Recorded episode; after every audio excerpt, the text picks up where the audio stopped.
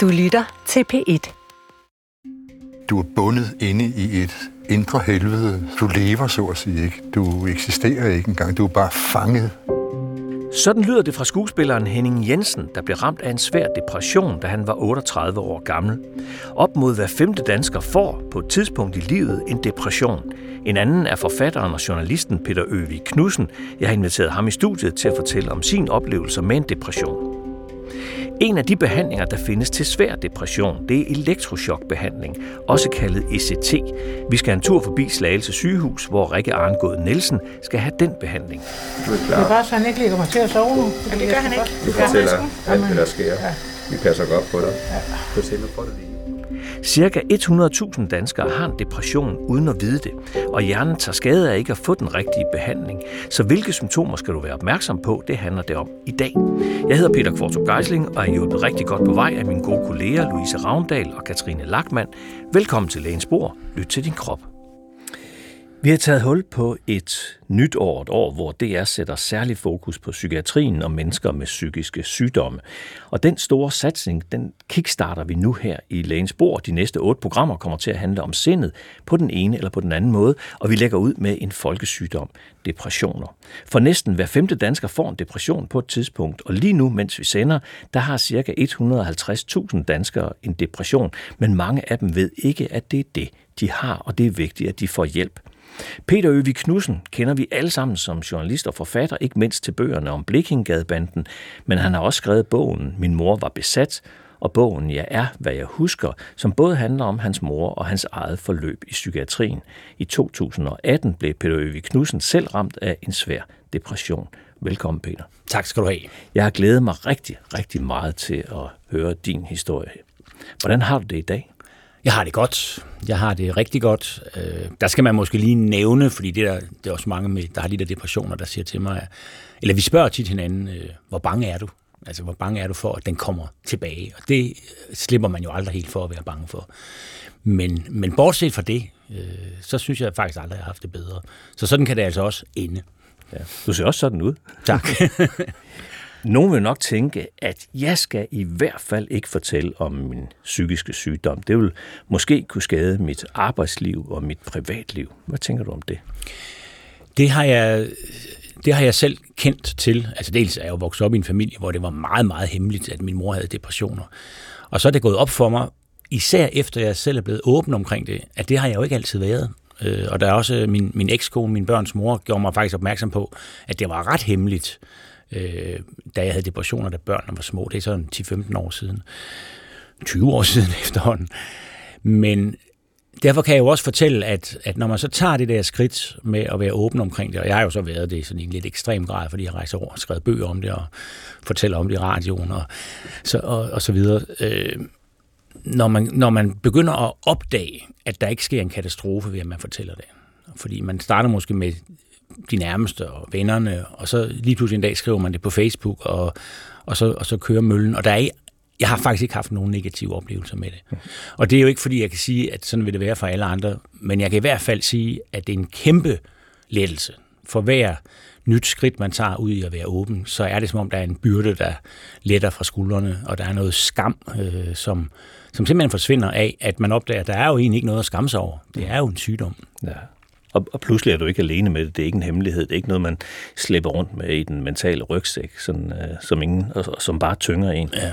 Du oplever en psykose, altså vrangforestillinger. Øh, man ser noget, der ikke er der, hører noget, der ikke er der. Mens du skrev bogen om din mors forløb, og efterfølgende så har du så skrevet bogen, Jeg er, hvad jeg husker efter din egen behandling, som blandt andet indebar syv elektrochokbehandlinger på Rigshospitalet. Vi laver den her programserie for at sætte fokus på psykiske sygdomme, for at afstigmatisere, fjerne fordomme, fjerne myter, og for at få os alle sammen til at tale mere åbent om de her mere usynlige ledelser. Hvordan har du selv oplevet, at psykisk sygdom er tabu i Danmark? Jeg var faktisk overrasket over, da jeg skrev bogen om min mor øh, for fem år siden. Øh, for der gik jeg rundt, der havde jeg sådan en ambition om at tale med alle, der havde kendt min mor. Og så opdagede jeg, at der var ingen, der vidste, at hun led af depressioner, og der var ingen, der vidste, at hun havde været indlagt. Og det, her taler vi altså også om vores naboer i det parcelhuskvarter, vi boede, om min fætter og kusine, der kom hos os næsten dagligt. At det var de allernærmeste. Og jeg forstår stadigvæk ikke, hvordan det kunne skjules. Der var nok nogen, der vidste, at der var noget med min mor. Men der var ikke nogen, der vidste, hvad det var. Øh, og der troede jeg så, at det var dels overraskende for mig, at det kunne holde så hemmeligt. Og så har jeg også været overrasket over, efter jeg selv er begyndt at tale om depression, hvor mange der stadigvæk holder det hemmeligt. Og det gælder også inden for mit eget fag. Øh, altså jeg har jo blevet interviewet rigtig mange gange af journalister, og mange af dem har fortalt mig, at de selv lider af depressioner. Mm. Og der er indtil dato ingen af dem, der er åbne omkring det. Hverken på deres arbejdsplads eller, eller nogen andre steder uden for den allernærmeste familie. Så selv inden for journalistikkens fag, som jo ellers ligesom har som formål at, være, at kaste lys på det, der, ikke, der ligger henligger i mørket, ikke? der er der stadigvæk en meget stor øh, tabuisering af psykisk sygdom. Hvor, hvor tror du, det er sådan? Fordi vi snakker altså, om sygdom alle sammen, du ved. Ja. det er jo næsten ikke til, altså hvis folk har, har, har, skal have en ny hofte, det er jo næsten ja. ikke til at slippe for at høre for det. Nej, det er rigtigt. Jeg kan faktisk huske min mor, vi har snakket meget lidt med min mor om hendes psykiske sygdom, da jeg var dreng, men der var engang, hun, vi var på vej op til købmanden, øh, hvor hun sagde til mig, at jeg ville sådan ønske, at jeg havde et brækket ben i stedet for. Og det er jo fordi, at depressionen angriber ens personlighed. Ja. Og derfor kan det være svært at adskille det, ligesom sige, at det er en sygdom, fordi det, man føler, når man er deprimeret, det er, at man er et elendigt menneske.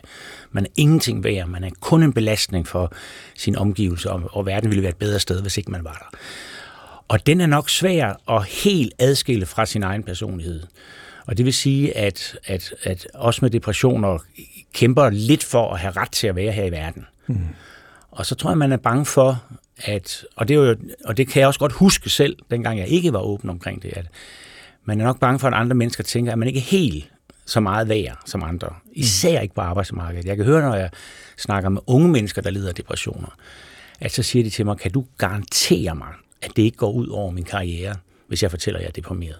Og det kan jeg jo ikke. Nej. Og, og virkeligheden er nok også, at det gør det nok også nogle steder. Der er sikkert arbejdsgiver, der ser anderledes på det. En af pointerne med hele den her serie er jo også, at, at det er vigtigt, at vi alle sammen bliver enige om, at man aldrig er sin sygdom. Altså det kan godt være, at man har en depression. Det kan godt være, at man har skizofreni, men man er ikke skizofren. Det ord, det findes faktisk ikke. Altså, man, man har en skizofreni, men man er også måske skolelærer mm. og far og lystfisker og frimærkesamler. Man er så meget andet. Skizofrenien er en brik i puslespillet, på samme måde som depressionen er en brik i ens puslespil som menneske. Man er aldrig sin sygdom.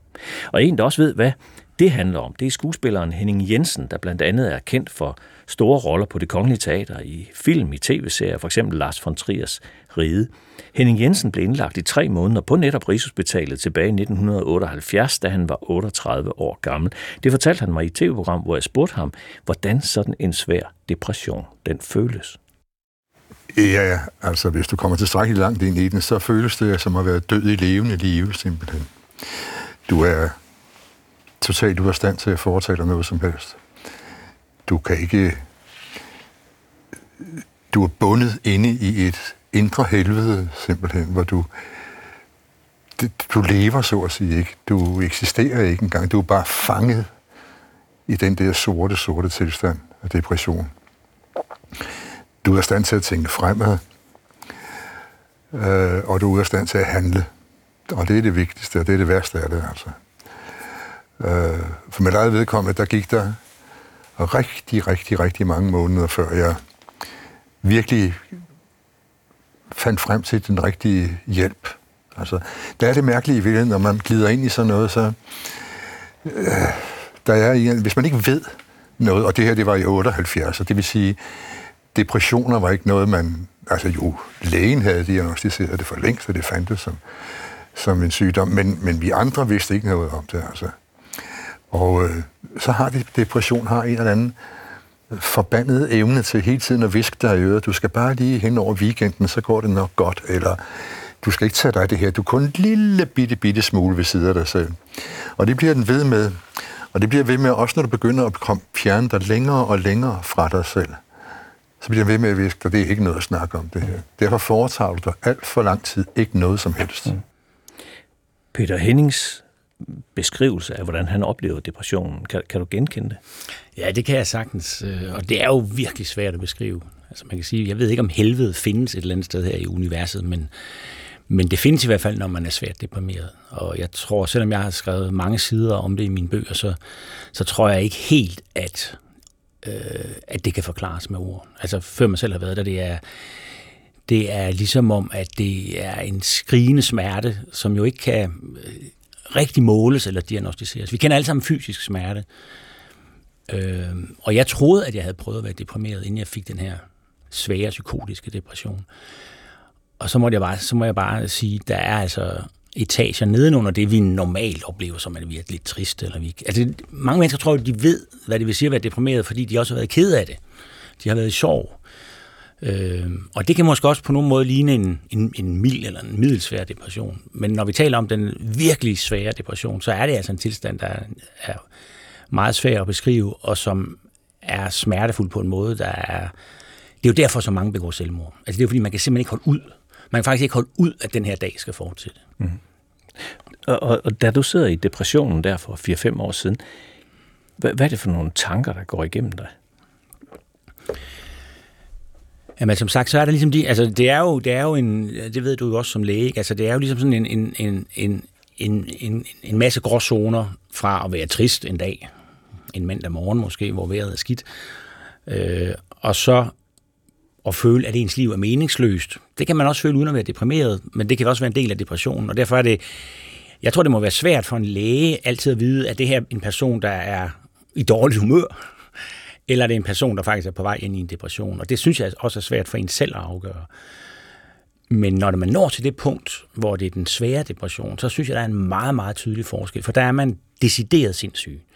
Og det vil sige, at den måde, man ser på verden, så bliver jeg så også til sidst psykotisk. Øh, det gjorde som ikke den store forskel, fordi at man er allerede sindssyg. Og det vil sige, at man forestiller sig, at man er øh, værdiløs, og at man er en øh, belastning for ens nærmeste på en måde, der gør, at man vil lette dem, hvis man ikke var der. Og det er jo der, døren til selvmord står ubehageligt meget åben, ikke? fordi at man er i en meget smertefuld tilstand, og man tror, man vil kunne hjælpe sin familie, hvis ikke man var der. Mm. Den depression, du har der for en 4-5 år siden, hvordan udvikler den sig? Jeg kan huske det første tegn på den, det var, øh, at Gyldal holder sådan en øh, reception hvert år øh, for de nye bøger. Det er en fest, jeg virkelig holder meget af og er kommet til i 25 år. Der mødes alle, møder man alle sine kolleger. Og den havde jeg ikke lyst til at gå til. Og så ved jeg, at der er et eller andet galt. Men det er jo bare, altså det, det er jo et lille tegn hos mig selv. Og jeg tænker, nej, det, det kan ikke være rigtigt. Jeg er i gang med at skrive en bog, så jeg plejer ikke at blive deprimeret, når jeg skriver en bog. Øh, og så i løbet af nogle uger, der, det er den der følelse af, at, der, at det ikke rigtig giver mening. Øh, og så begynder morgenerne at blive meget tunge. Altså man tænker, den her dag er en bjergbestigning, jeg simpelthen ikke kommer til at klare. Det er svært at komme ud af sengen. Mm. Det gamle ord morgenvånde. Ja, morgenvånde. Hvor der så, man kan være heldig en gang imellem til gengæld at have aftenlysning. Altså depression er åbenbart lidt døgnafhængig også. Øh, og så skete der så det for mig den her gang, som jeg aldrig har oplevet før, at en dag kunne jeg simpelthen ikke skrive. Der sad jeg inde ved computeren, og så kunne jeg ikke skrive længere. Og det var ligesom en, en altså der, der skete et yderligere fald ned i mørket, fordi at at det er jo min identitet. Hvis ikke jeg kan skrive bøger, øh, hvilken værdi har jeg så her i fællesskabet? Og der tror jeg, at øh, der skulle jeg ret, faktisk ret kort efter det have været indlagt, fordi der, der så det skidt ud. Men, men vi har jo alle sammen en kæmpemæssig angst for, for psykiatrien og for lukkede afdelinger. Vi har set Gøgereden eller en masse andre film, som handler om, hvor forfærdeligt det er på psykiatriske afdelinger.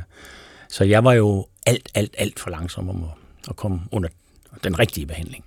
Du er far til Aske og Ea og bonusfar til din kæreste Jannes to døtre. Hvordan, hvordan reagerede familien der, hvor du sidder og foran computeren og ikke kan skrive i den tid der? Altså, jeg har i de senere år øh, været åben omkring, når jeg får en depression over for mine børn, men de har hidtil sagt, at de ikke rigtig kunne mærke det. Og det tror jeg egentlig er rigtigt nok. Men det kunne de så den her gang, da den blev alvorlig. Og, og det, som børn reagerer med, det er jo, at de gerne vil hjælpe. Og så kan man godt sige til børn, og det synes jeg også, man bør sige, at det ikke er deres opgave, og det er ikke deres ansvar, at deres far eller mor er syg, psykisk syg. Men det kan man ikke lige tage fra dem. Så det tror jeg nok var det, der både var mest rørende, men også mest smertefuldt. Det var ligesom at se deres forskellige forsøg på at mundre mig op. Noget, som alle mennesker jo forsøger med en deprimeret, og som ikke kan lade sig gøre. Mm. Altså, der er faktisk ikke rigtig noget, man kan gøre. Man kan være der, øh, Men altså, der, er, det, er ikke, det hjælper ikke rigtigt at pege ud på solskinnet, eller komme med en plade chokolade, eller hvad det nu er, mine børn eller andre øh, forsøgte på. Og det er faktisk, det tror jeg godt, man kan sætte sig ind i, hvis man har børn, at hvis man har det virkelig skidt, og de prøver at hjælpe en, det er altså næsten ikke til at bære. Mm. Hvad, tror du, der gjorde dig syg? Hvorfor tror du, depressionen dukkede op? Altså, jeg møder jo folk, der har sådan enkle forklaringer på, hvad depression skyldes. Og, og så snart folk kommer med en enkel forklaring, så tænker jeg, det, det, det holder ikke. Øh, og sådan er det jo i mange af livets forhold. Så jeg tror, det er kompliceret. Altså, jeg har jo en mor, der lider af depressioner, så jeg tror, der er noget genetik. Og det siger statistikken jo, det er jo ikke rigtigt til at komme udenom, selvom jeg engang prøvede at benægte det. Øh, og så er der jo øh, også noget med, hvad barndom man har haft, og den har ikke været så sjov, når man havde en, en deprimeret mor. Og så er der jo også ting i nutiden, øh, som så kan være udløsende, tror jeg. Og, og, og, jeg er faktisk ikke i tvivl om, at det, der udløste den her alvorlige depression, det var, at jeg skrev en bog om min mor. Og den hedder jo Min mor var besat. Øh, og det var fordi, jeg, da hun døde, havde en meget kraftig oplevelse af, at hun faktisk havde været besat af nogle dæmoner. Og det kan jeg godt høre lyder lidt mystisk, men, men jeg har faktisk talt med en del deprimeret, som genkender oplevelsen af, at der er et element af besættelse. Mm. Det er ikke noget, psykiaterne Altså, de tænker bare, at ja, nu han, han er lidt skør i bolden, ikke? Øh, men det er fordi, at det er så svært at beskrive, at man bliver overtaget. Det er, det, det er den følelse. Der er noget, der er overtaget af en ond kraft. Der noget, der er flyttet ind. Ja, der er noget, der er flyttet ind, og, det, og den onde kraft vil have en til at gå under. Ja. Og, øh, og i mit tilfælde, så havde jeg ligesom oplevet, at det faktisk var sådan, min mor så ud, når jeg kiggede hende i øjnene som barn. Mm. Som om der var noget andet, der var flyttet ind i hende. Og da jeg så selv fik den her alvorlige depression, så oplevede jeg præcis det samme, bare indefra. Og, øh, og det der med at føle sig besat er et godt billede, fordi at, at det svarer til oplevelsen af magtesløshed. Mm. Det der med, hvorfor du blev syg, jeg synes faktisk, du beskriver nuancerne rigtig fint, fordi ja, du har fuldstændig ret, det der med, at det bare er, at der altid er enkle forklaringer på tingene, det er der sjældent ja, man plejer at sige med, med de arvelige forhold omkring depressioner, at cirka 40 procent af depressioner skyldes af arvelighed, men der som du også nævner, en sårbarhed, en barndom og en masse andre ting. Øh, da du var barn, hvordan, hvordan var dit verdensbillede? Havde du et lyst sind? Havde du et mørkt sind? Nej, altså jeg husker min barndom som, som smertefuld. Altså at jeg, at jeg bare på en, en, en indre kedelighed, som var ret voldsom, og som jeg aldrig fortalte til nogen og som der heller ikke var nogen, der spurgte til. Altså på grund af tabuiseringen af, af psykisk sygdom, så var der jo ikke nogen lærer eller naboer eller familiemedlemmer, der på noget som helst tidspunkt sagde til mig, da jeg var barn, Peter, hvordan har du det egentlig med, at din mor er psykisk syg? Fordi jeg, jeg tror egentlig ikke, der skulle så meget til, så havde jeg lettet mit hjerte. Men det kom jeg altså aldrig til, og det vil sige, at jeg gik ligesom og troede, at, jeg var, at der var noget galt med mig. Altså, hvis man har det sådan øh, en, en konstant fornemmelse af smerte og ensomhed, følger jo også med, at man holder på en, på en hemmelighed. Ja. Så jeg har aldrig som barn øh, rigtig kunnet tale med nogen om, hvordan jeg havde det. Mm. Jeg har fået en mail her fra Helena. Helena har skrevet ind på lægensborg.dr.dk, og det er lægens med AE. Helena, der er 20 år gammel, jeg fik konstateret en depression som 13-årig i 2015, og har siden været inde og ude af psykiatrien i alt tre gange med depression. Jeg oplevede at gå i en hverdag uden glæde og uden lyst til livet. Jeg havde som barn en forståelse af, en holdning til, en fornemmelse for, at alle havde det sådan, og at det bare var en del af livet at føle sig udkørt. Indtil jeg tilfældigvis fik sat ord på det, og hurtigt finder ud af, at det bestemt ikke er normalt, men i stedet en depression en historie, Helenas historie, der faktisk minder lidt om, om din barndom. Ja. Du fik ikke sagt til nogen, at du var ekstra ked af det. Der var ikke nogen, der spurgte. Nej. Øhm, altså, jeg, jeg kan huske, at jeg nogle gange prøvede at tilføje mig selv en eller anden... Altså, jeg var ikke selvskadet overhovedet, men jeg prøvede at, at gøre en eller anden skade på mig selv, så jeg kunne komme til at græde. Mm. Og så ville nogen spørge mig, eller så, så, så ville det ligesom være tilladt at græde. Ja. Fordi det, der var det mærkelige, var, at jeg frygtede sådan set spørgsmålet, hvorfor er du ked af det? Fordi det vidste jeg ikke. Nej. Og det var en del af blokeringen over for at være åben omkring det. Og der er jo også psykiater, der har fortalt mig, at man faktisk i mange, altså det, det er for nylig, at man er begyndt at anerkende, at børn kan have depressioner, som nu hende, der skriver ind. Øh, det har man, man har ment, at man skulle være voksen for at have en depression. Og det kan jeg i hvert fald skrive under på er forkert, fordi jeg kan, den følelse, jeg havde som barn, som selvfølgelig var værre i perioder end i andre, den svarer fuldstændig til at have en af de sådan mildere eller middelsvære depressioner, jeg har haft som voksen. Det er jo to af dine gode venner og din kæreste, der får dig indlagt på Rigshospitalet. I øvrigt, ligesom Henning Jensen, der var det også hans familie, der fik ham indlagt. Hvordan havde du det med at skulle indlægges på psykiatrisk afdeling? Jeg var red sølvslagen. Og det var jo noget, vi havde diskuteret i et par måneder. Altså jeg var jo, jeg skulle nok have været indlagt i hvert fald to måneder, måske tre måneder, før jeg blev det. Og vi forsøgte også på et tidspunkt at få mig indlagt. Øh, men, men jeg var redselslagen, og jeg havde gøgereden ind i hovedet, altså Jack Nicholson, som kommer ind som sådan en charmerende, begavet øh, hovedperson, og som så langsomt bliver knækket. Og så husker alle, der har set film, hvordan han ligger som en zombie til sidst. Og det var det der zombie. Det var mit, det var ligesom mit redselsbillede. Og jeg talte en dag om, at jeg vidste, at hvis jeg blev indlagt, så ville jeg blive zombificeret. Jeg ved ikke, om det findes det ord. Øh, så, så det var jeg helt sikker på, at jeg ikke skulle. Og det vil sige, at til sidst var der altså nogen, der måtte tage mig under armen og køre mig derind og proppe mig ind i på Rigshospitalet. Du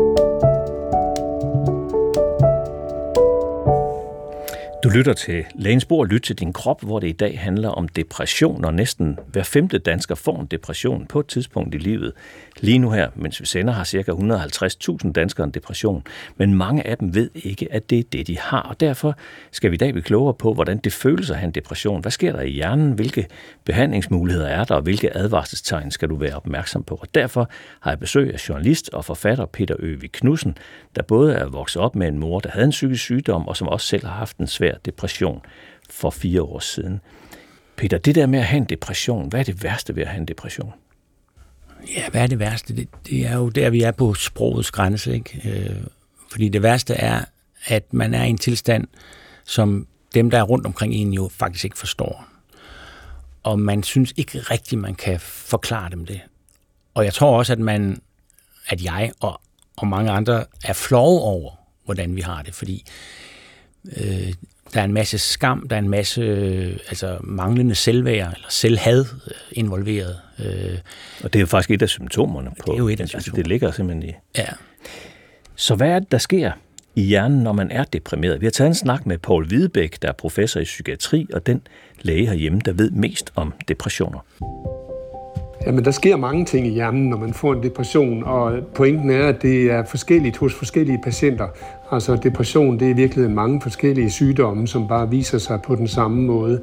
Men hos nogle patienter, der ser vi en voldsom aktivitet i det system, som har med stresshåndtering at gøre, øh, sådan at hjernen så at sige bliver badet i stresshormoner i meget højere grad, end, end er godt for den og end, end er normalt.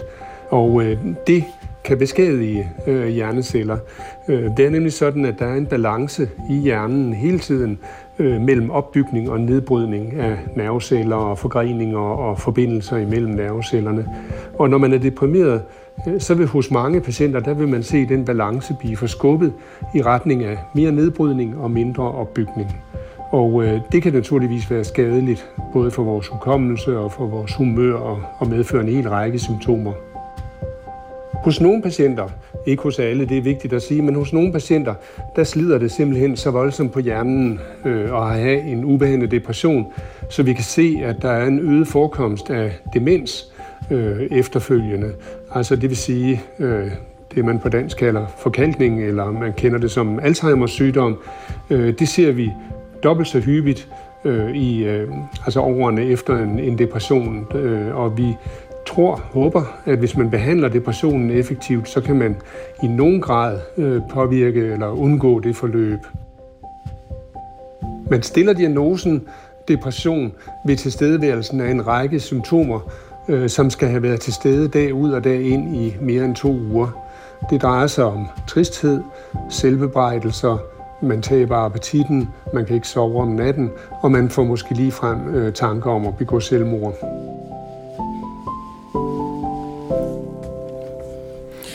Det der med, øh, du ved, tristhed, det her, der, der, jeg føler mig lidt deprimeret, du ved, det er mm. sådan gå infla, der er mildstalt gået inflation i ordet, depression, ikke? Det der med tristhed og let depression og sådan ting, der, kan, du mærke, hvornår, hvornår det er det ene, og hvornår det er det andet? Nej, det kan godt være svært i starten af en depression, eller øh, det, det ubehagelige ved det at have haft alvorlige depressioner, eller depressioner i det hele taget, er jo, at man går og er bange for, som jeg sagde, at få det igen. Og derfor bliver man lidt hyperopmærksom på sig selv. Så hvis man har en dag med dårlig humør, eller tre, så tænker man, er det nogen depression igen? Så kan man jo, jeg, vil, jeg, vil, jeg kan næsten frygte, at det kan have en selvforstærkende effekt. Så jeg prøver ligesom at gå lidt modsat. Øh, men en eller anden dag, så kan man godt huske, at det her med at vågne om morgenen og være så tung, og synes, at dagen er så umulig, øh, det, er ikke, det er ikke helt naturligt for mig. Øh, og på et tidspunkt begynder nattesøvnen, som Paul Hvidebæk nævner, også at blive angrebet. Og det er sådan nogle tegn, der ligesom er lidt indiskutable. Det er ikke tristhed, det her. Øh, og så, og så ved jeg godt, at den er gal. Altså det, man kan sige, natten og morgenen er de steder, hvor man mærker det tydeligst, når den er gået ud over den ja. sygelige grænse. Ja, du er erfaren på dig selv og, ja. og dine signaler. Tit beskriver man det også det der med, hvis man skal skelne mellem det, at, at, at det hører med til livet at være trist. Mm. Det kan være trist af mange forskellige grunde. Men hvis, det, hvis følelsen er sådan en generel melankoli, altså simpelthen en helt sky, der hænger over hele ens verdensbillede, mm. at de ting, man ellers plejer sådan at være glade for, de sætter overhovedet ingen følelser i gang, være sammen med børn eller børnebørn osv., så er vi på vej øh, i nærheden af depressionen. Og nu nævnte øh, Paul Hvidebæk det her, altså nogle af advarstegnene eller symptomerne på en depression, det er altså, at man siger mindst to uger, mindst to uger med nedtrykthed, nedsat lyst eller nedsat energi, og så oveni for eksempel også nedsat selvtillid, selvbebrejdelse, som vi også har talt om, tanker om selvmord, besvær med at koncentrere sig eller søvnforstyrrelser, bare for at nævne nogle af symptomerne. Det er de her advarstegn, man skal være opmærksom på, altså i mindst to uger, så kan man vente med sin læge. Hvad, hvad tænkte du, Peter, da du fik diagnosen? På et tidspunkt er der en, der kigger dig i øjnene og siger, du har en depression. Altså i mange år, der levede jeg sådan lidt mit liv øh, som ung, og, og også middelalderne som øh, øh, modsat min mor. Altså jeg ville ikke være min mor. Jeg havde set, hvor... Altså hun endte jo i en meget ubehagelig, jeg vil sige en kronisk depressiv tilstand. Øh, og så var hun samtidig, havde en personlig forstyrrelse, der hedder narcissisme, som gjorde, at hun ligesom aldrig rigtig selv tog ansvar for det, men bebrejdede nogle andre. Øh, så jeg har levet mit liv meget sådan, jeg skal ikke blive som min mor. Og det vil sige, at jeg har været meget, meget langsom til at erkende, at jeg havde en depression. Og, det var, og jeg overhovedet har lidt af depression. Jeg har kaldt det, som du sagde før, melankoli. Eller jeg har, haft, jeg har kaldt det blå perioder. Det skulle ikke være en sygelig tilstand, der var den samme som min mors. Så det var faktisk først, da jeg fik børn, og jeg tænkte, nu skal jeg jo være, altså, nu skal jeg være far her, ikke? Nu skal jeg stille op til det her. Nu er det alvor. Nu er det alvor, ikke? Nu er det ikke kun mig selv, og måske min kæreste, det her rammer. Øh, så, så så gik jeg faktisk, der var faktisk en af de der alternative behandlere, jeg tidligere havde gået til, som sagde, at du skal altså lige prøve noget rigtig antidepressiv medicin. Og det får man jo en snilt hos sin læge. Øh, og så kom jeg hjem, og så stod der til Peter Øvig Knudsen en gang om dagen mod depression. Der stod det der ord depression. Og det var der, jeg faktisk holdt det hemmeligt. Det var så forfærdeligt for mig at have fået den diagnose, og jeg var så flov over det. Og jeg synes, jeg overgav mig til øh, den der psykiatri, som jeg havde været meget kritisk over for hele mit liv. Øh, og jeg ved heller ikke, om de medicin faktisk virkede. Det er, det er, det er jeg lidt i tvivl om. Øh, men langsomt begyndte jeg ligesom at indse, at jeg havde en sygdom, og det er faktisk en fordel at komme derhen. Fordi så er man åben for at gøre noget ved det på en anden måde. Øh, og man er også åben for, at, at psykiatrien måske faktisk har nogle behandlingsmetoder, der virker. Men det var jo ikke nok til, at jeg glad og fløjtende gik ind på Rigshospitalet og modtog elektroshock. Altså der var jeg stadigvæk et sted, hvor det var, jeg troede, de ville gøre mig ondt. Og det er meget svært i dag for mig at forstå, men når jeg, når jeg havde det sådan, så vil jeg tro, at der er en del danskere, der faktisk har det sådan, at i værste fald gør de mig ondt, og i bedste fald kan de ikke hjælpe mig. Ja. Altså på det spekter der, jeg tror jeg, mange danskere har det sådan med psykiatrien, og der må jeg så skynde mig til for, at sådan er det ikke. Nej. Nu skal vi møde Rikke Arngård Nielsen. Hun er 48 år gammel. Hun har en bipolar affektiv, affektiv lidelse, det man i gamle dage kaldte maniodepressiv sygdom. Hvordan det føles, det beskriver hun sådan her. For mit vedkommende har, har det primært været øh, depressioner, jeg har været ramt af. Men, men i perioder har det også kørt øh, rimelig stærkt, altså hvad, hvad folk vil kalde for en mani, eller hyper, hyper, hypermani. Så altså, egentlig manisk er jeg ikke, men, men det tangerer. Kan du prøve at beskrive for os, der ikke helt ved præcis, hvad det er? Altså, hvordan øh, agerer du, når du er for eksempel øh, depressiv, eller det omvendte? Jamen altså, når jeg er depressiv, så øh, er jeg voldsomt pladet af selvmordstanker, selvdestruktive tanker, øh, får lavet nogle ting, som ikke er så heldige. Og det kan jeg jo se bagefter, at det, det ikke har været. Men, men lige når jeg står i det, så, så det eneste løsning, det er at, at tage mit eget liv, eller ja, komme væk fra det hele. Når, når det er den anden vej, så øh, får jeg brugt flere penge, end godt er. Blandt andet for, for at købe en masse tøj, ting til min lejlighed. Øh, jeg har haft problemer med, med, med spil, ja, hvor jeg er gået i en spilhal, hvor jeg bor. Øh, det er heller ikke heldigt, når man i løbet af, af, af et par timer bruger 3-4.000 kroner og tænker, at det, det kan jeg godt lige vende ind igen. Så bruger man på 1.000 til, ikke? Det er ikke godt. Så det, det, det, det, det jeg bliver ramt af, de to tilstande primært. Og hvordan påvirker øh, den lidelse din hverdag og dit liv lige nu? Altså lige nu har jeg haft øh, har jeg rigtig svært ved at få det til at fungere i den lejlighed, jeg bor i. Øh, jeg har boet på bosted til for to og et halvt år siden cirka. Øh, og kan, kan ikke rigtig få det til at fungere i min lejlighed. Øh, kan ikke øh, holde ud at være der. Øh, har svært ved at, at være mig selv øh, og være alene. Hvordan kommer det så til udtryk, at du ikke kan lide at være i lejligheden? Jamen det er jo, at jeg får det dårligt øh, og bliver ramt af de her depressioner, når jeg er derhjemme. Øh, jeg bliver, øh, får de her selvdestruktive tanker øh, og har været indlagt rigtig meget faktisk de sidste halve år bare. Jeg tror samlet har jeg vel været hjemme tre uger eller sådan noget på, på et halvt år. Det er ikke meget. De perioder, hvor det går godt, er jeg jo hjemme. Eller har gået godt, har jeg jo været hjemme flere måneder, hvor, hvor det egentlig... Og jeg måske lige har været nede og vende to-tre dage på, på psykiatrisk akutmodtagelse, og så hjem igen. Og så, så er jeg fortsat derhjemme. Ja. Er det så de her selvmordstanker, der dukker op, når du er derhjemme? Det gør de også, ja. Det, det, det har jeg været meget pladet af det sidste halve års tid. Peter Rikke fortæller om de her selvmordstanker, hun har. Har du haft lyst til at tage dit eget liv? Ja. Altså, det er selvfølgelig noget, man er endnu mere hemmelig omkring, end man er øh, omkring alle de andre tanker, man har over for sin familie. Så det var også noget, jeg holdt for mig selv i lang tid.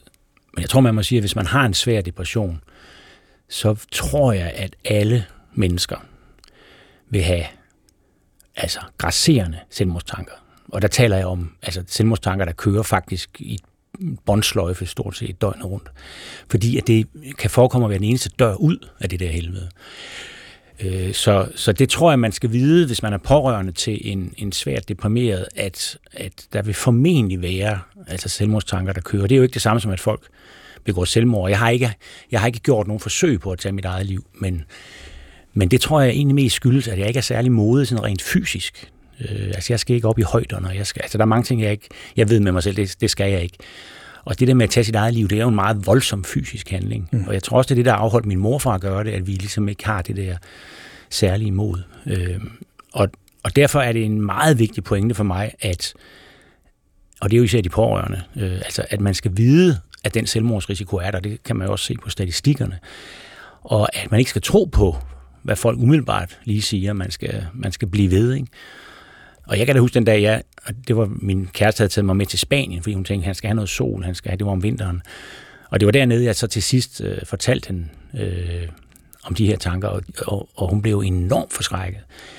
Men det er altså godt at få det fortalt, øh, og derfor skal man også prøve at få folk til at fortælle det, hvis, hvis man sidder over for en, der er syg. Og det, der er så forfærdeligt, det er jo, at man, dem, der ikke selv har prøvet at være svært deprimeret, de, de, de forstår ligesom ikke den der særlige, øh, ja, dæmoniske element, at, at en del af sygdommen er, at man føler, at det vil være en lettelse. Nu har jeg sagt det før, men nu siger jeg lige igen, ikke? at man føler, at det er en lettelse. Øh, eller det vil være en lettelse for ens familie, og for ens børn, og for ens venner, hvis man er forsvandt fra jordens overflade. Det er næsten umuligt at begribe, tror jeg, for et menneske, der ikke selv har været alvorligt deprimeret. Mm. Øh, og man tror ligesom, man se på dine børn, ikke, siger man. Jeg har selv siddet i en sportsvogn gang på en klippevej øh, på, på Sicilien, og opdagede, at hende, der var chauffør, jeg var oppe og blaffe med, hun øh, altså var alvorligt deprimeret og talte om selvmord. Og hun havde fortalt mig, at hun havde to børn. Jeg vil bare ved med at tale om de der to børn. Så det tror vi andre jo man begår ikke selvmord, hvis man har børn, eller man begår ikke selvmord, hvis man har venner, eller man begår ikke selvmord, hvis man har en god karriere. Men det, det overruler altså ligesom alle de der elementer. Og nu har jeg her bagefter mødt, og jeg var jo heldig at blive indlagt, øh, og der var en, en min, min barndomsven, som til sidst ligesom sagde, nu skal det være. Ikke? Han havde den der autoritet til at få overbevist de andre og få mig puttet ind i en bil. Men her bagefter har jeg jo så hørt de modsatte historier. Det er jo folk, som har troet, at de kunne lave en aftale med deres bedste ven, eller lave en aftale med deres ægtefælle, om at du slipper for at blive indlagt, hvis du lover mig ikke at begå selvmord. Mm. Og så går der en uge eller to eller en måned, og så begår den pågældende selvmord. Det er altså ikke en aftale, man kan lave med folk. Nej. Nogle gange, og det, det ligger jo også i, i selve sygdommen, depressionen, at man jo også tit er så hvad skal vi sige, handlingslammet, så uden energi, at, at det bliver ved tankerne, netop fordi man faktisk ikke har kræfterne til at gøre det. Men ja. det, der så nogle gange kan være problemet, det er nu, når, hvis man er på vej ud af depressionen, hvis energien, handlingskraften begynder at dukke op igen, mens tankerne stadigvæk er der, så, så er det specielt der, man skal være opmærksom øh, på det. Udover elektroshock, altså ECT-behandling, som det også hedder, som vi kommer ind på lige om lidt, hvilken behandling er det så, du har fået mod depression? Altså, jeg har jo prøvet en hel del af de forskellige antidepressive præparater, både de mildere, som man kan få hos sin læge, og så de lidt mere og meget mere seriøse, man skal til en psykiater efter. Og, og jeg synes ikke umiddelbart, at der er noget af det, der har virket. Øh, altså, jeg kan ikke med sikkerhed sige det i hvert fald. Mine depressioner tidligere er gået over, men det gjorde de også, inden jeg begyndte at tage medicin. Og der var i hvert fald ikke noget som helst, der virkede medicinsk på min på min alvorlige depression. Jeg, fik, jeg var, havde en dygtig psykiater, jeg fik, han, han skiftede mellem forskellige tunge præparater. Øh, da jeg blev indlagt på Rigshospitalet, der var de første, der var jeg jo rygende sindssyg. Altså, det var jeg jo. Jeg må ikke sige det for min kæreste, men nu siger jeg det så alligevel. Altså, jeg var, jeg var fuldstændig gakkelået, øh, og altså stærkt psykotisk og, og, og, og alvorligt deprimeret. Og der starter de jo med at sige, ham her skal vi lige have til at sove, og til at falde lidt ned. Så der starter man med at trappe noget antipsykotisk medicin op, indtil man endelig falder i søvn. Der havde jeg jo ikke sovet i ugevis på det tidspunkt. Hvad der jo i sig selv gør, at man måske simpelthen derfor bliver så vanvittig, som jeg var til sidst. Så, så, så det virkede. Altså det var en, nej, var en lettelse den første gang, jeg faktisk sov nogle timer en nat. Og det var, fordi jeg fik store doser antipsykotisk medicin. Så det var jo godt nok. Men det var ikke det, der helbredte depressionen. Det fik mig bare til lige at kunne sove lidt. Ja. Og du har ret i, altså depressioner går jo næsten altid over, men for det første, så er det jo uhensigtsmæssigt. Det dur jo ikke, at vi går rundt og har det så skidt ubehandlet. For det andet, så er der også noget, der tyder på, som Paul Hvidebæk også nævnte, at hjernen kan tage skade af en ubehandlet depression. Så man skal jo helst Øh, i gang med noget behandling. Og i Danmark der er det sådan, at vi skældner mellem let, moderat og svær depression. 90 procent af alle depressioner, de bliver behandlet i almen praksis, og jeg har set nogle, øh, de seneste tal, jeg kunne finde fra 2010 til 17, der har der faktisk været et fald i antallet, eller i mængden af antidepressiv medicin, vi bruger i Danmark, mens psykologbehandlingen til gengæld er gået op af. Det er også fordi den, hvad skal man sige, den bedste behandling til lette og moderate depressioner, det er faktisk samtaleterapi, mens det første er fra moderate og svære depressioner, at, at øh, medicinen kommer på tale. Og så er der elektrochokbehandlingen, ECT-behandlingen, som også kan komme på tale til de ganske svære depressioner. På et tidspunkt, så kommer det jo også på tale i dit liv. Hvad tænker du, da du hører det? Peter, vi foreslår, at du skal have elektrochokbehandling. Ja, det, var, det sagde de jo altså, et par dage efter, jeg var blevet indlagt øh, på Rigshospitalet. Øh, og der tænkte jeg, det var, det var det her, jeg vidste ville ske. Fordi det er jo det, Jack Nicholson får i Gøgereden. Og det er det, nu husker mange af os forkert, øh, fordi de fleste af os husker, jeg har tjekket det på nogle nogle foredragssale. De fleste husker, at Jack Nicholson får elektroshock, og den scene kan man nemlig huske, hvor han får det. Den er ret uhyggelig. Han er, uden, altså han er jo ikke i narkose, som man bruger i dag. Det er sådan 50'ernes måde at give elektroshock på. Så det ser ret uhyggeligt ud.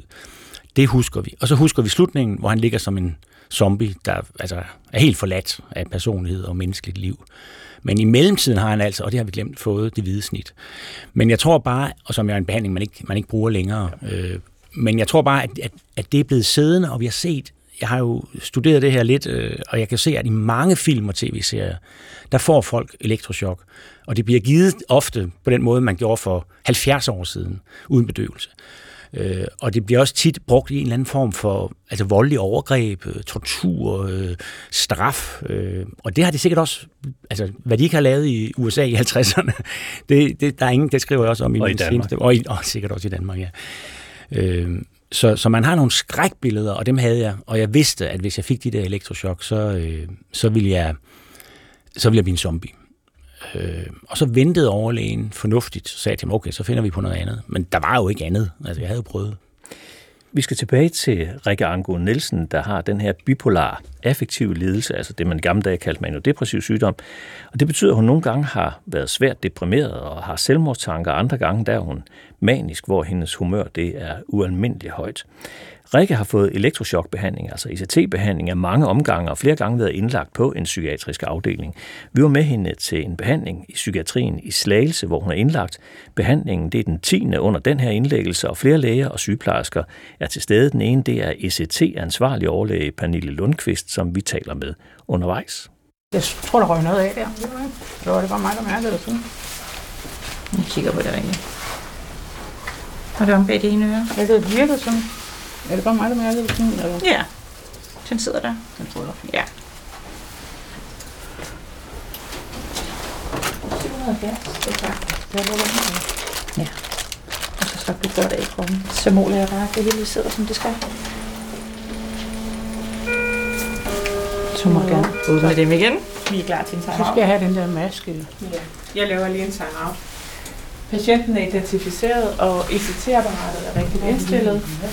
Og måleelektroder og e-pad sidder som de skal, og der er en impedans, og der er baseline, og anestesien er klar, og bedeskinnen er klar. Du må ikke komme til at sove nu. Nej. Jeg skal lige have den der maske. Den kommer, den kommer. Den han står med. Vi? Du er Det er klar. bare så han ikke lige kommer til at sove nu. Ja, det gør han ikke. Gør fortæller alt, hvad der sker. Ja. Vi passer godt på dig. Så se, nu får du lige på masken. Ja. Over mund og næse. Skal vi nok sige til, når vi giver dig medicinen. Prøv at trække vejret rigtig godt igennem.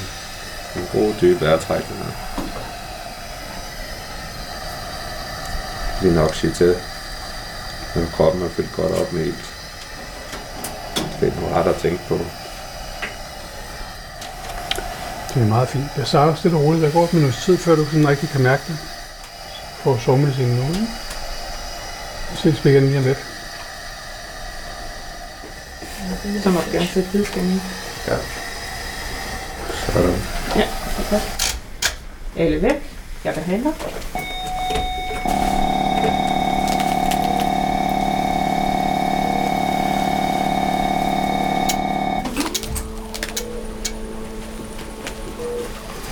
Bare du kunne prøve at fortælle, hvad det var, der lige skete, ja. dengang at du sagde, behandlingen er gået i gang. Hvad skete der så? Jamen, så er det jo, at vi fremprovokerer sådan set et, øh, et krampeanfald, som man kunne sammenligne lidt med at få et epileptisk anfald. Og det er den der krampe, som øh, er gunstig for, for behandlingen øh, i forhold til den, den depressive effekt, man ønsker. Jeg kunne se, at øh, Rikkes arme, de ligesom løftede sig fra madrassen og ligesom spændte op, og det samme gjorde hendes ben, så man kunne godt se, at hun fik de her krampeanfald. Det varede et halvt minut eller et minut. Ja. Det er meget almindeligt, at, at det cirka tager 30 sekunder, og, og det er jo simpelthen fremprovokering af et, et epileptisk anfald, hvor at, uh, man får de her tonisk-kloniske kramper. Så hvad skal der så ske nu? Nu øhm, har Rikke jo fået anestesi, så hun skal ind og, og ligge i vores opvågning, hvor der er personale omkring, som holder øje med, at øh, hun kommer så godt efter behandlingen. Og det er typisk en times tid, man ligger i vores opvågning. Godt. Så en ret forholdsvis hurtig behandling, der tager cirka et minut, fra at man er blevet lagt i anestesi, Ja. og så til at hun faktisk allerede er færdig. Præcis. Ja, Peter. Jeg synes, du blev lidt stille. Hvad, hvad, hvad tænker du, når du hører det her? Jamen, jeg kan jo godt huske de der sætninger og de der lyde, der er lige inden man bliver øh, bedøvet. Og der, den, altså især den første gang, men måske også de næste par gange, men især den første gang, jeg fik det, der, der troede jeg jo, jeg skulle dø. Altså ikke fysisk, men, men dø åndeligt, altså den der zombificering, jeg taler om. Så, så jeg regnede med, at det var de sidste sekunder af mit liv, og det er selvfølgelig ikke så rart lige at komme tilbage til den situation i, i lyd. Det foregår jo i bedøvelse, som vi hører det her. Altså man er ikke til stede, som du sagde, i, i gamle dage i, i Gøgereden. Hvordan har man det, når man vågner efter ECT-behandling? Altså, det tror jeg, jeg kan høre på folk, jeg har snakket med. Jeg har snakket med mange, der har fået øh, elektroshock efterhånden. At det er lidt forskelligt. Øh, men også der ikke har prøvet det før, jeg tror, vi oplever ligesom, at, at hjernen er blevet nulstillet på en eller anden måde. Altså, jeg, da jeg vågnede, der anede jeg ikke, hvor jeg var, eller hvem jeg var, eller hvor, hvor jeg befandt mig. Og jeg var meget glad for, at det kan jo være et råd, man kan give til pårørende. Altså, det er godt at have en, en pårørende i nærheden, når man vågner. I hvert fald de første gange, man skal have elektroshock, fordi man er fuldstændig fra den. Og det var dejligt, at Janne var der og holdt mig i hånden og forklarede mig, hvem jeg var og hvor jeg var. Og med fretten, der mener du, at altså, det er svært at orientere sig. Hvad, ja. hvad dag har vi? Og så ja, videre. Ja. Alt er ligesom lige forsvundet øh, for en tid. Altså, jeg tror, at, altså, jeg kan huske, at, at, at der var en af de psykiater, jeg har talt med, som beskriver det som et jordskælv i hjernen at få elektroshock. Og det er klart, at, at det har en kæmpemæssig påvirkning. Og det er jo også en, altså ligesom kemoterapi jo ikke er nogen altså blid behandlingsform mod cancer, så er elektroshock jo også en meget voldsom behandlingsform, men det er også en mod en, en, en sygdom, der på en måde er lige så voldsom, som, som cancer også kan være livstruende. Ja, fordi altså, man, der hvor man, man giver det elektroshockbehandling, det er jo netop hos patienter, hvor man ikke har kunne komme igennem med andet end svært deprimerede mennesker, der sidder og kigger ind i væggen, hverken drikker eller spiser osv. Du fik jo en, en sådan kan det i hvert fald være, du fik en, en serie på syv behandlinger. Hvad fik dig til at gå med til at få flere behandlinger? Altså, jeg havde jo den her forestilling om, at, at nu skulle jeg sige ja til det frivilligt for at gå med, med ryggen og rank. Og det var jo det, der fik mig til at sige ja til den første behandling. Og så overlevede jeg jo den. Og jeg kunne jo må, må også på en eller anden, jeg kan faktisk ikke selv huske det vel, men altså, jeg må jo på en eller anden måde have konstateret, at, at jeg var stadigvæk mig selv. Så vi, vi tager en til. Og så virker det jo ofte, og det gjorde det i mit tilfælde, meget, meget hurtigt. Fordi en del af min sindssyge var jo, at jeg troede, at min kæreste havde forladt mig og havde fundet en anden mand og var på vej til Karibien og havde stjålet alle mine penge og sådan noget. Altså det var, det var egentlig meget vanvittige forestillinger, jeg havde. Det havde jo heldigvis ikke noget på sig.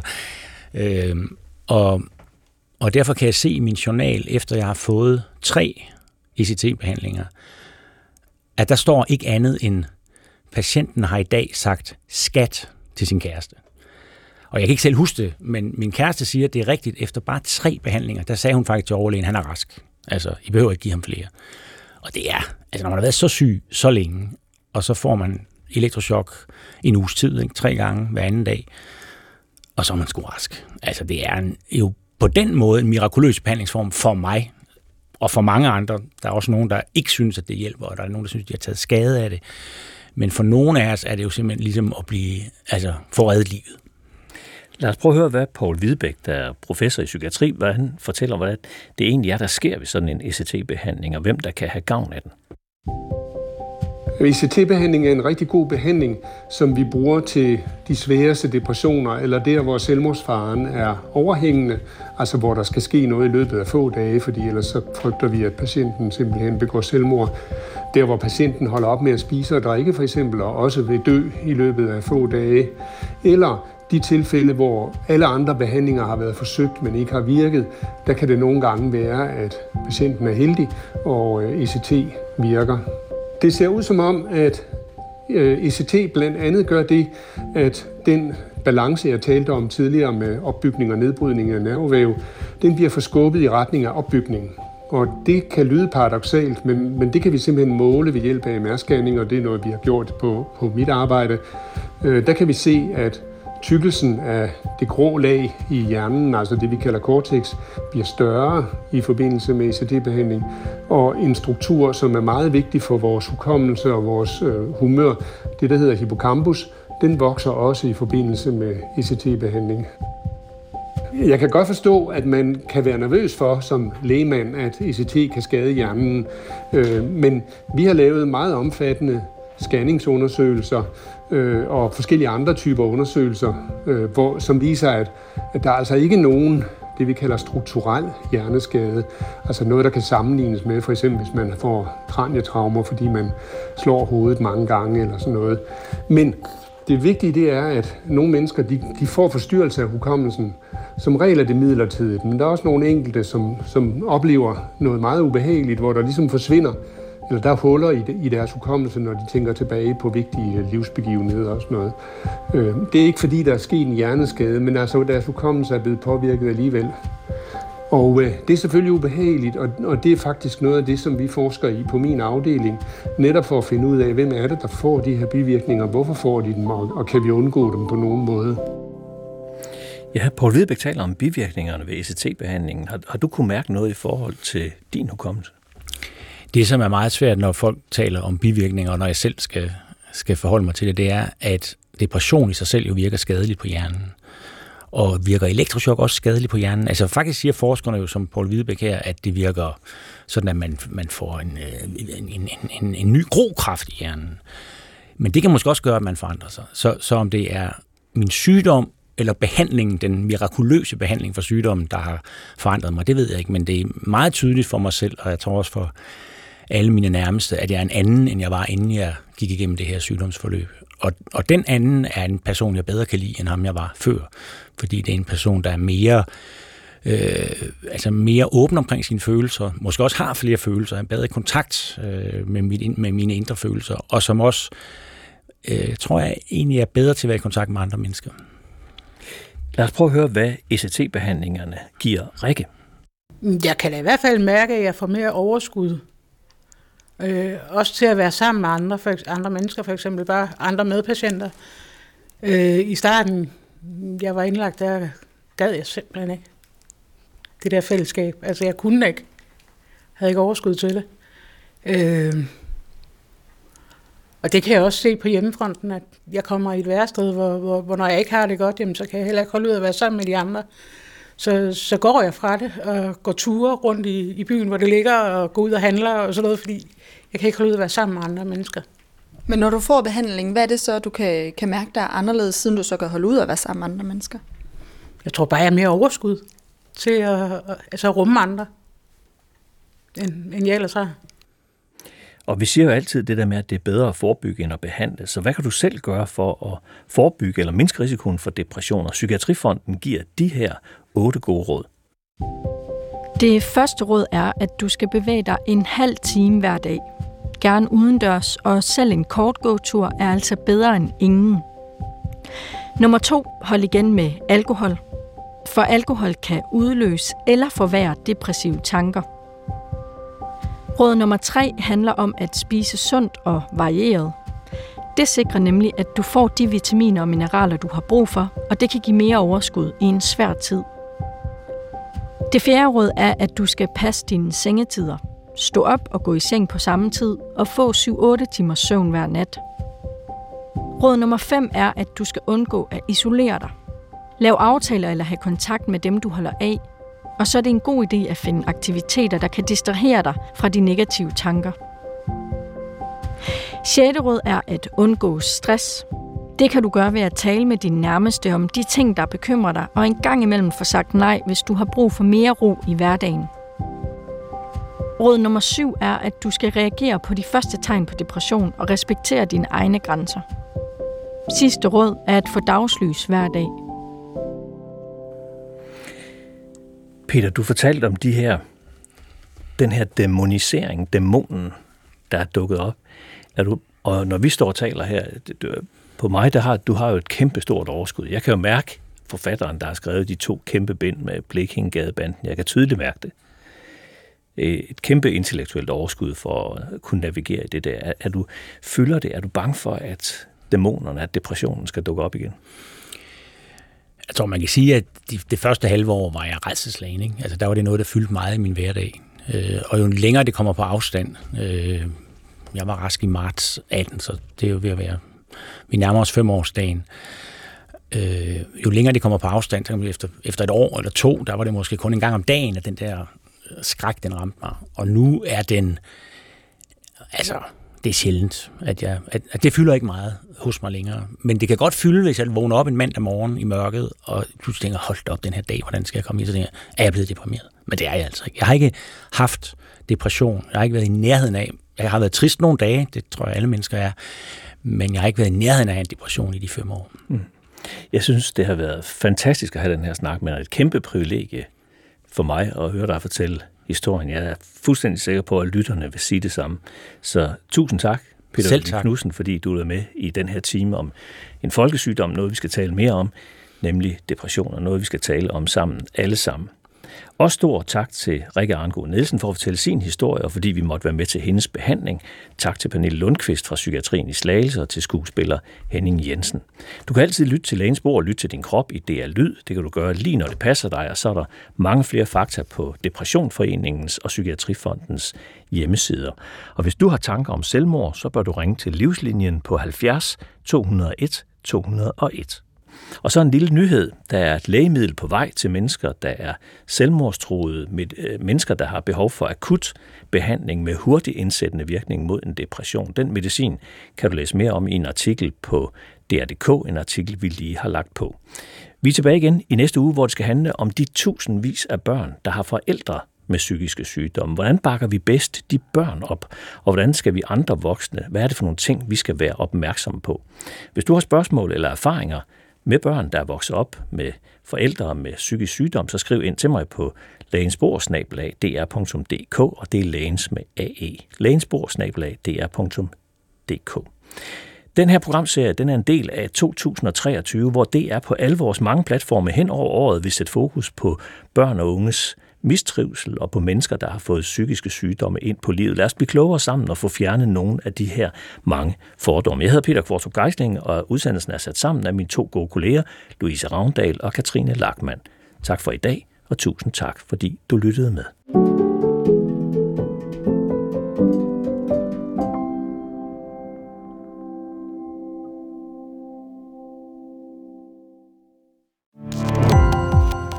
Gå på opdagelse i alle DR's podcast og radioprogrammer. I appen DR Lyd.